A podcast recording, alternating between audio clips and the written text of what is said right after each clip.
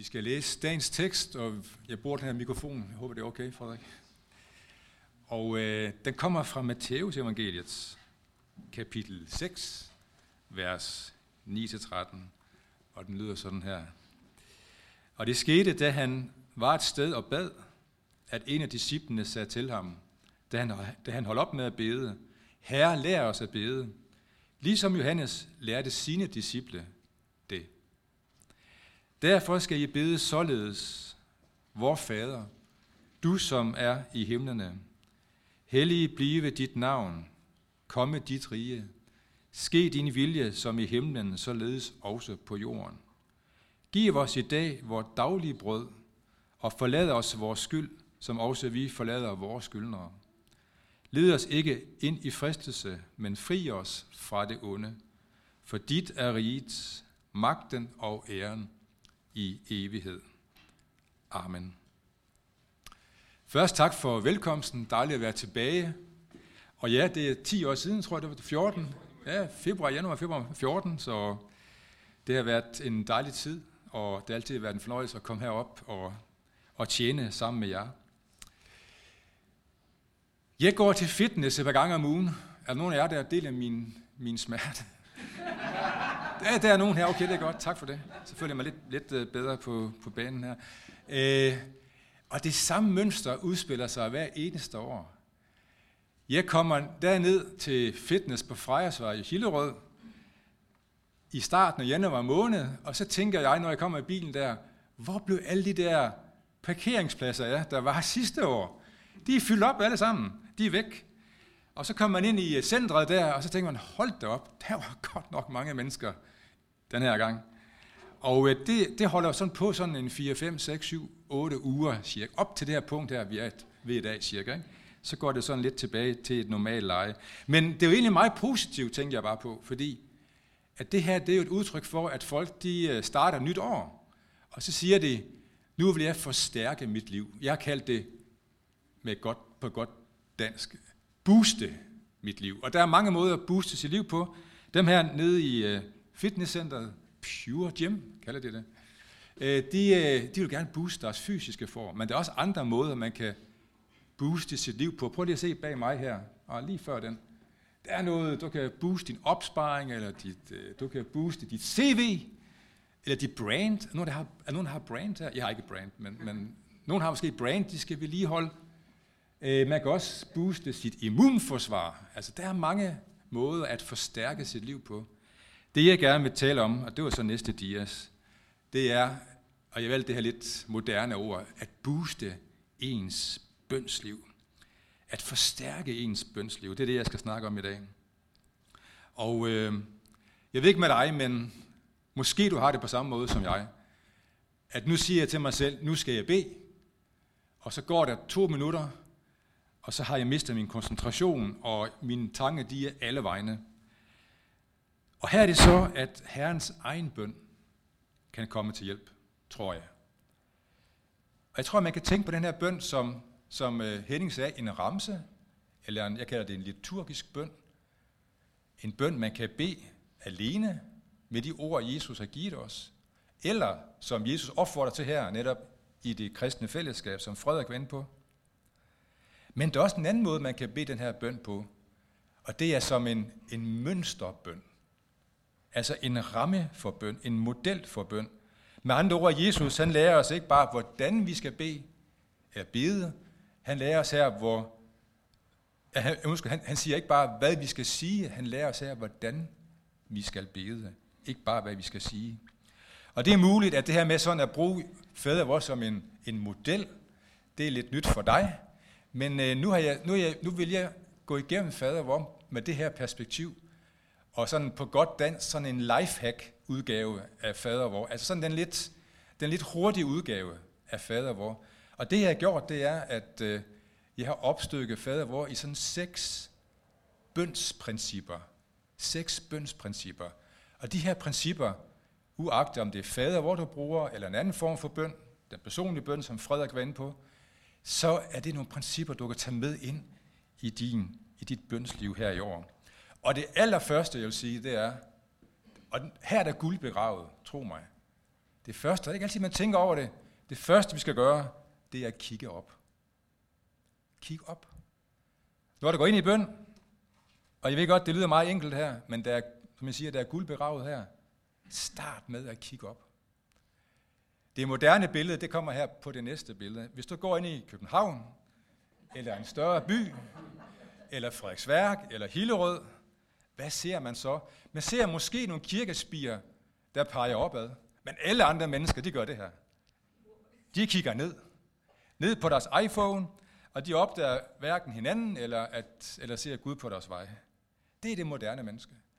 Eller har du prøvet det der med at være måske til samtale hos din chef, han eller hun, og øh, så oplever du som bare lige midt i samtalen, at chefen er lidt mere interesseret i sin iPhone eller sin iPad end dig. Altså, ingen nærvær, ingen øh, tilstedeværelse. Så er mit spørgsmål, er det ikke nogle gange lidt det, vi gør, når vi går ind i bønden? Altså, vi kigger nedad. Jesus siger her, kig op. Hvor far, du som er i himlene.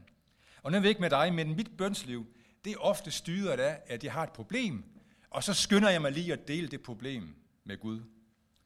Og, øh, eller jeg ser et behov ude i verden, det er også det, Frederik var inde på. Rigtig fint. Så skynder man at bede, sig, bede for det behov. Men i det her sammenhæng, der er det ikke forkert. Det er bare den forkerte rækkefølge.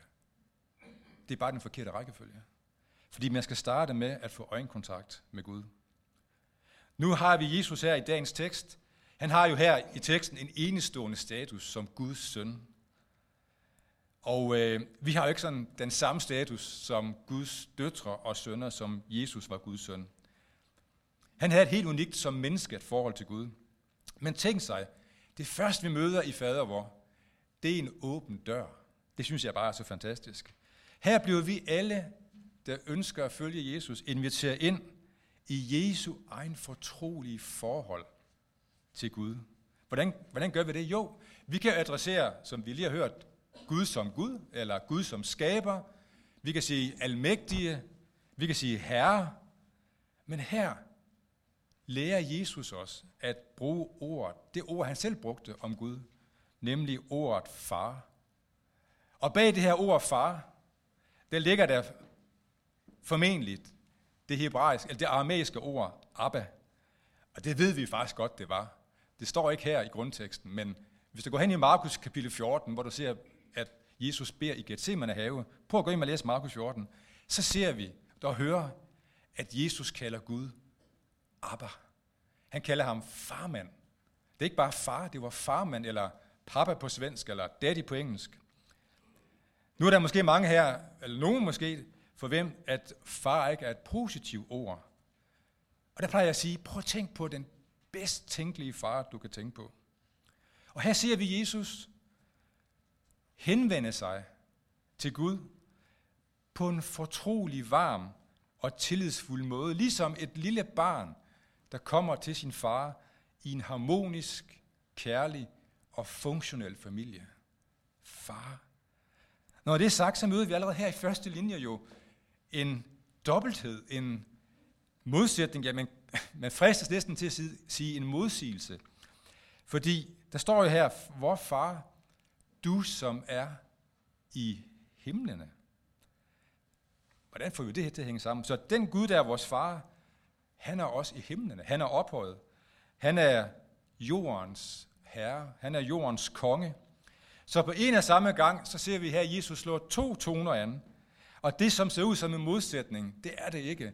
Her må vi fastholde et både og, som vi ofte møder i skriften. Et både og. Han er vores far. Han er nær. Men er på samme tid ophøjet. Han er vores far, men han er, på, han er også konge og majestæt. Vi kan det her dybt fortrolige forhold til Gud, som Jesus havde. Men det skal samtidig være en relation, der næres af Guds frygt og ærefrygt. Men det første, det er, at vi skal kigge op. Og når vi kigger op af, så kommer her den første, kan man sige, bønsbegæring. Der er sådan nogle, en række bønsbegæringer i fader, hvor her er den første, hellig blive dit navn. Og øh, nu er det ikke sådan, altså hvad er det grund, vi beder her? Har du tænkt over det? Det er jo ikke sådan, at vores bøn gør Gud mere hellig. hvis det er sådan det, man tror. Guds navn er altid helligt og adskilt. Det vi beder om her, det er, at Guds navn må blive helligt, helligt i vores liv. Helligt betyder egentlig blot adskilt. Lad mig sige det på jævn dansk. Må vi betragte Gud som en værdi, der er så høj, at ingen andre værdier kan sammenlignes med Gud. Det er det, vi beder her. Vi har mange interesser her alle sammen. Ikke? Der er meget, vi kan værdsætte. Jeg værdsætter min, mit ægteskab med Birgitte. Jeg værdsætter min familie. Jeg værdsætter mit job, også selvom det var ABM før, ikke HP. Jeg værdsætter mange ting. Og hvis nu jeg så for enden af den her sætning sagde, og for resten, så værdsætter jeg også Gud. Så vil jeg jo ikke hellige Guds navn. Så vil jeg ikke holde Guds navns helligt. Tænk på den jødiske trosbekendelse i det gamle testamente. Man kalder den Shema. Det er bare hebraisk betyder hør. Og det er det, den starter med. Den går sådan her, hør Israel, Herren vor Gud, Herren er en. Og kan du så huske, hvad der kommer lige efter det?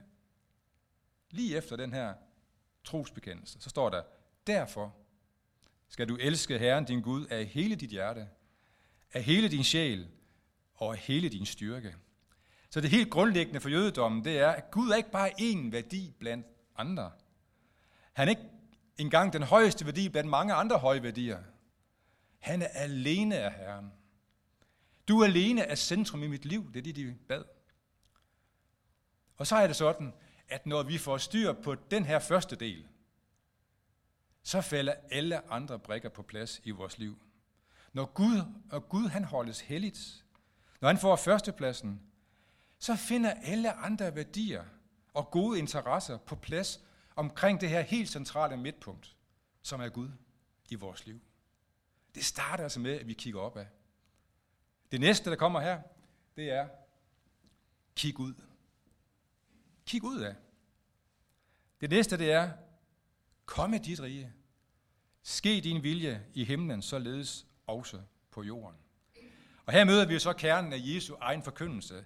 Da han startede op i Galilea i Nord-Israel, så var det med ordene, Guds rige er nær. Guds rige er nær. Men hvad er Guds rige? Ja, nu har vi jo lige fået en ny konge i Danmark, ikke? Var nogen, der var i København den 14. januar? Ja, ja, ja, ja. Der var nogle... Øh, der var ikke så mange vel, men øh, der var der nogen, der var derinde. Flot. Og vi lever jo i det danske kongerige. Og det danske kongerige, det er jo sådan en geografisk størrelse. Men hvad er Guds rige? Jo, på, øh, på græsk hedder rige Basileia. Og det siger jeg, fordi at der, er en, der var en, en kendt kirkefar. Han kaldte Jesus, han beskrev Jesus som auto Basileia. Nu skal I lige lære det græske, ikke? Autobasileia. Det var det, han kaldte ham. Og øh, med andre ord, Guds rige, det er der, hvor Jesus er til stede. Der, hvor han hersker uindskrænket. Jesus, han læmeliggjorde Guds rige.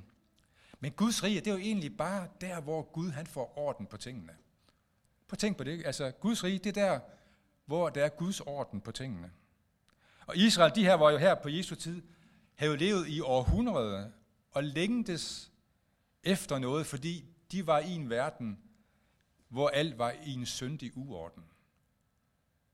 Og den her syndige uorden, så begyndte den her bøn at komme frem, hvor de sagde, Herre, hvornår kommer du og genopretter dit rige? Prøv at læse dommerbogen, der var altså meget syndig uorden der, ikke? Hvornår kommer du her?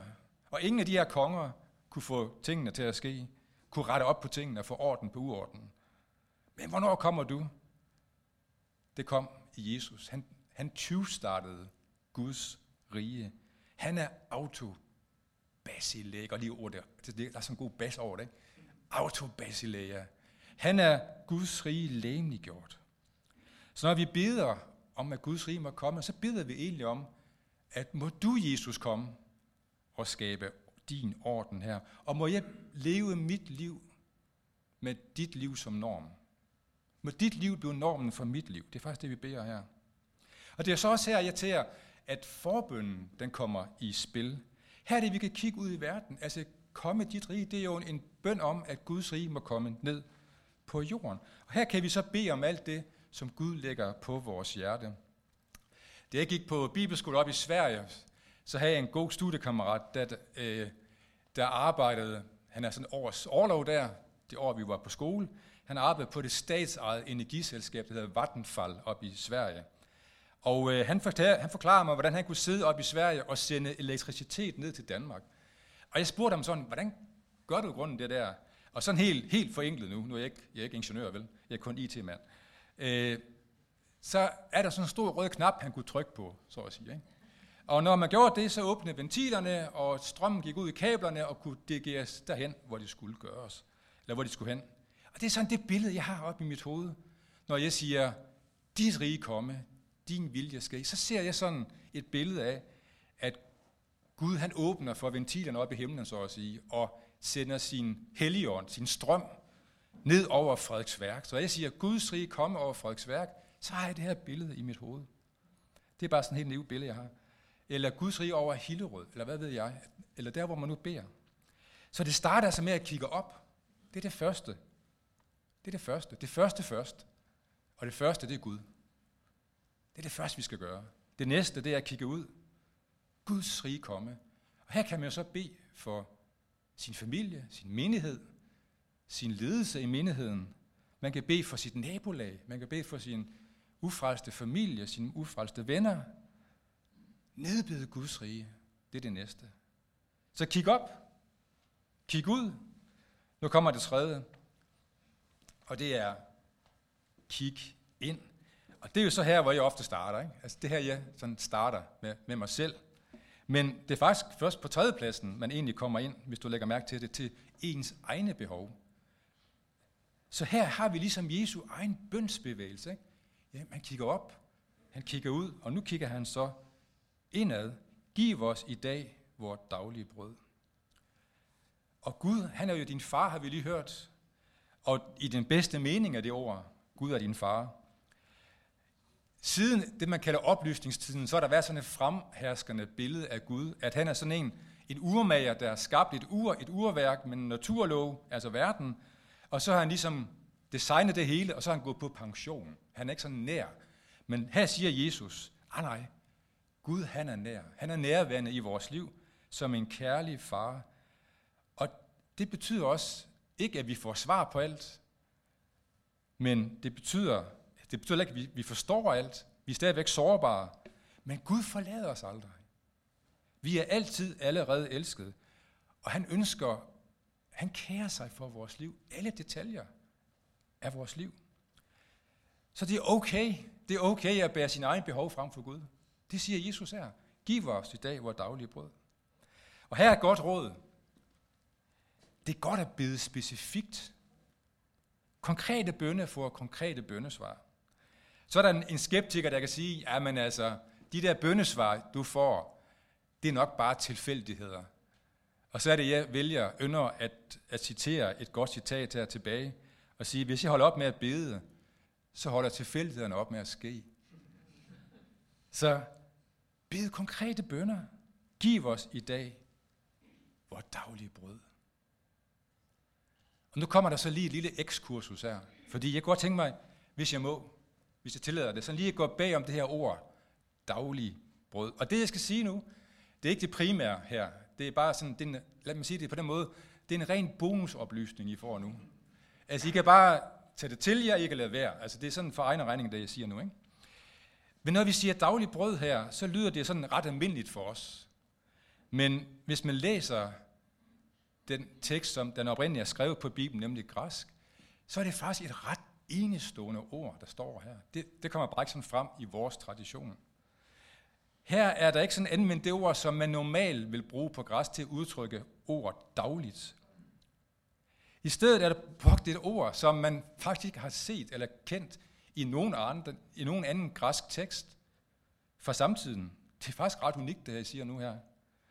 Og det betyder, direkte oversat, så står der faktisk her, giv os i dag, det lyder lidt anderledes der, men giv os i dag det super substantielle brød. Det er faktisk det, der står her. Giv os i dag det super substantielle brød. Hvis du går hjem og læser det, der hedder Vulgataen, som er den latinske oversættelse af det græske nye testamente. Det blev oversat i det 4. århundrede, så jeg kan slå dig. Du var, du var i år 1000, Flemming, nu går jeg tilbage til det 4. århundrede. Hieronymus, han oversat den græske bibel til latin. Den blev kaldt Vulgata. Og her, da han kom til Matthæus 6, så sagde han, hvordan skal jeg oversætte det der daglige brød? Og det gjorde han med ordene panem super substantialem. Panem super substantialem. Nu tog jeg kun den lille latinprøve i folkeskolen, så hvis jeg udtalte det forkert, og du er sprogkyndig, så er jeg hermed tilgivet, håber jeg. Panem super substantialem. Så når vi beder om det daglige brød her, så tænker jeg bare, er det kun sådan, det er den daglige næring, vi beder om? Altså siger vi her, Herre, hjælp mig til at sådan lige have nok at leve for. Er det det, vi beder her?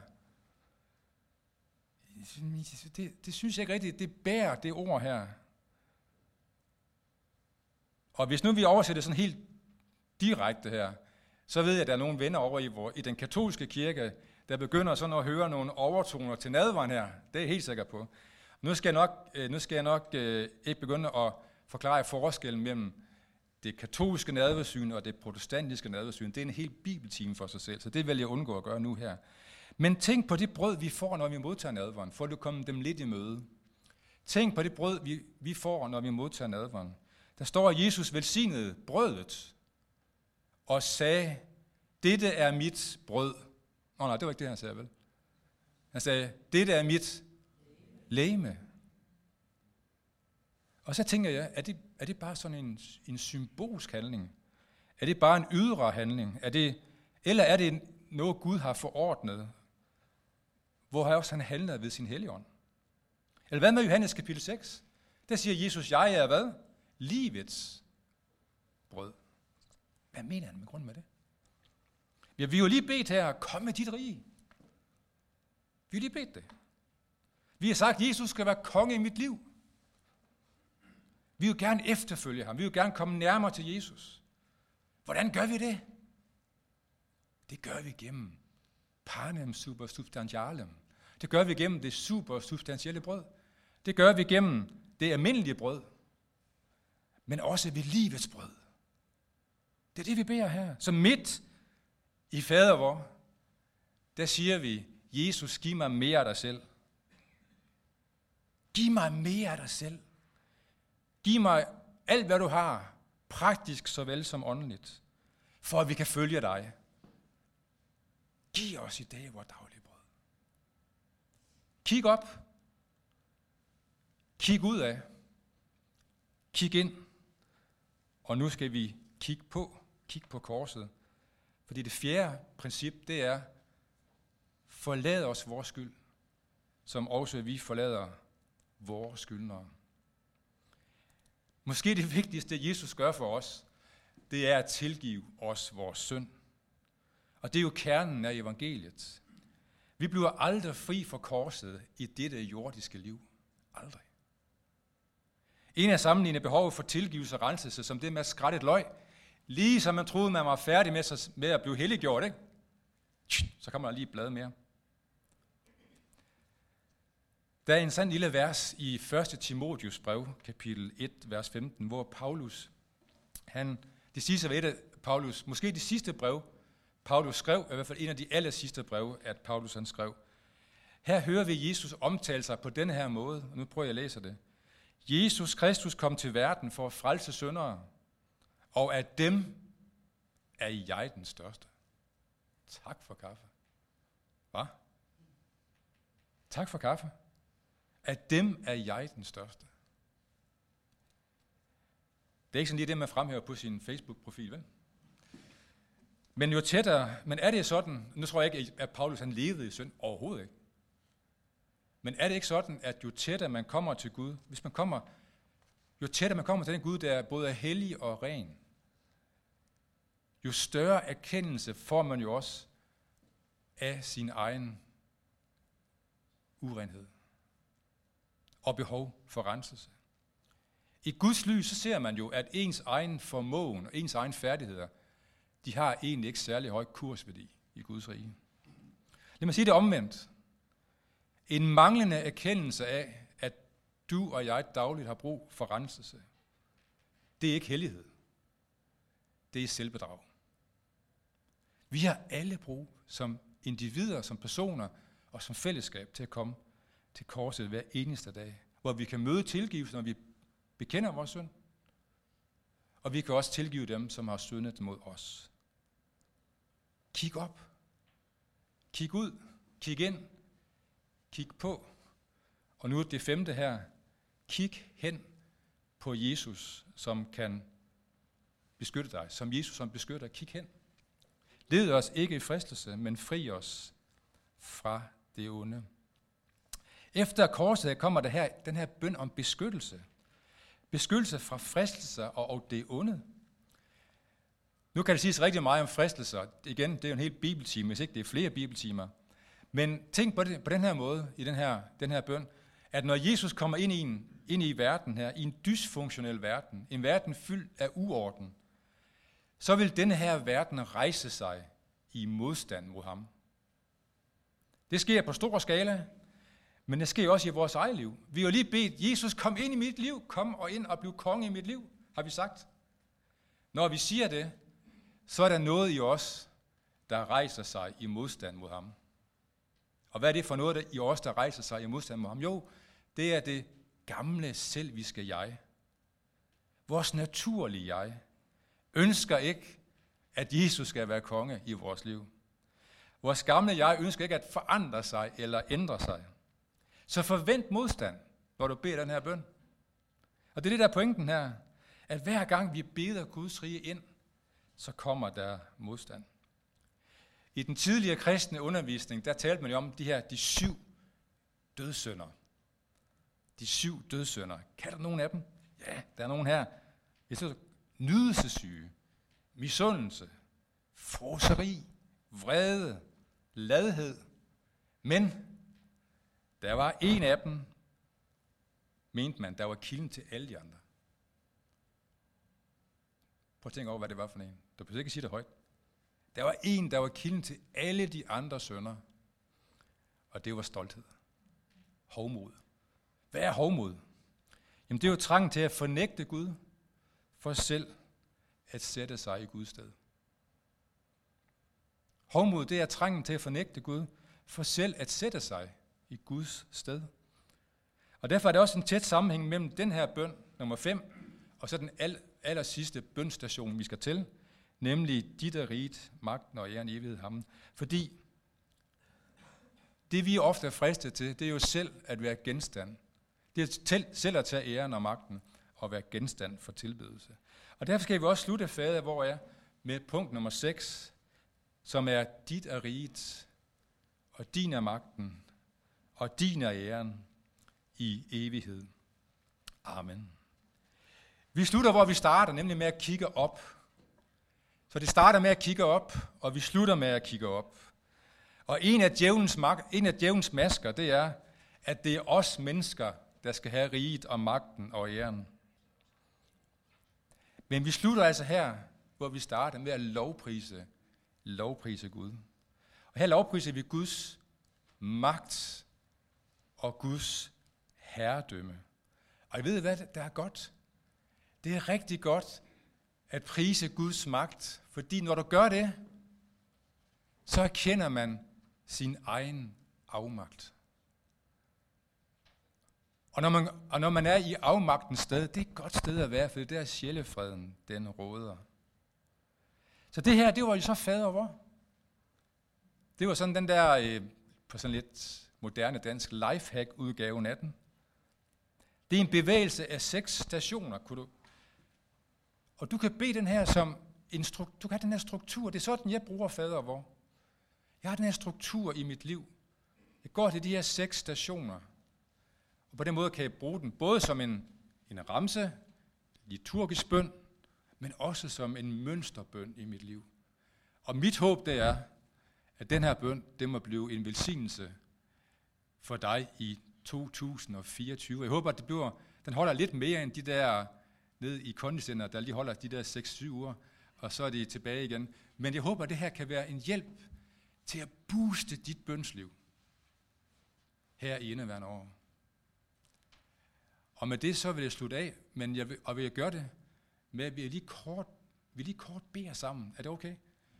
Øh, bare lige to-tre minutter. Og det jeg vil gøre her, det er, at jeg vil bare helt kort prøve at tage igennem de her seks bønnestationer. Altså bare helt ultrakort. To-tre minutter. Så jeg håber, det er okay, vi lige slutter af på den måde. Så lad os bare lukke vores øjne nu. Og så skal jeg prøve at vise sådan praktisk, hvordan man sådan kan bruge bønden her på den her måde. Og det første, jeg vil bede om at gøre, det er at kigge op. Prøv at kigge op nu. Prøv at få øjenkontakten med, med Gud.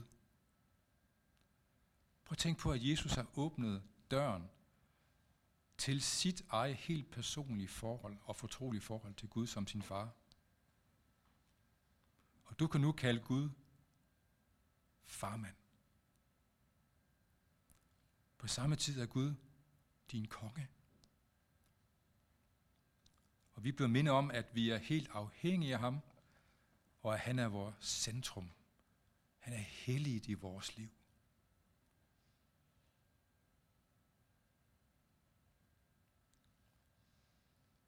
Derefter så må jeg bede dig om at lade Helligånden lede dig ind i forbøn.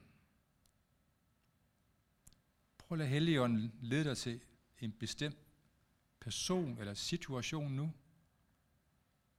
Og bare bed Guds rige ned over det. Det behøver ikke være en lang bøn. Du kan bare sige, Gud, må dit rige komme over den situation eller den person. Bare helt kort.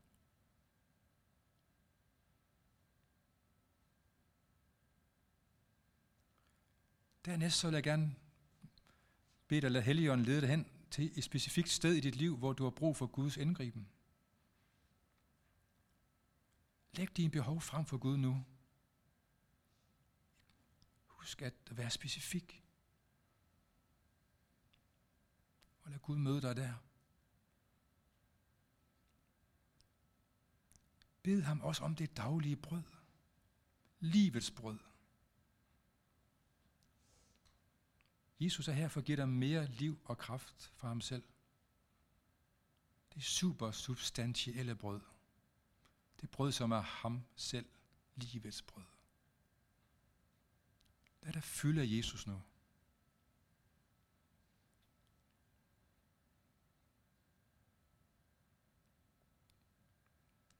Dernæst kig på korset.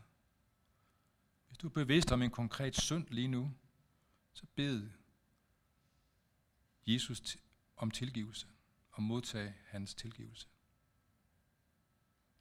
Er der en person, der har krænket dig, så læg den person over til Jesus nu og bed om styrker til at kunne tilgive den person.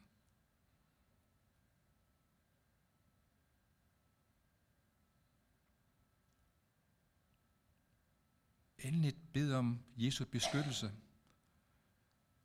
Bed om styrker til at modstå, når den gamle jeg rejser sig i modstand mod Jesus. Og til sidst, Giv Gud magten. Lad os alle sammen sige det sidste vers sammen. For dit er riget, magten og æren i evighed. Amen.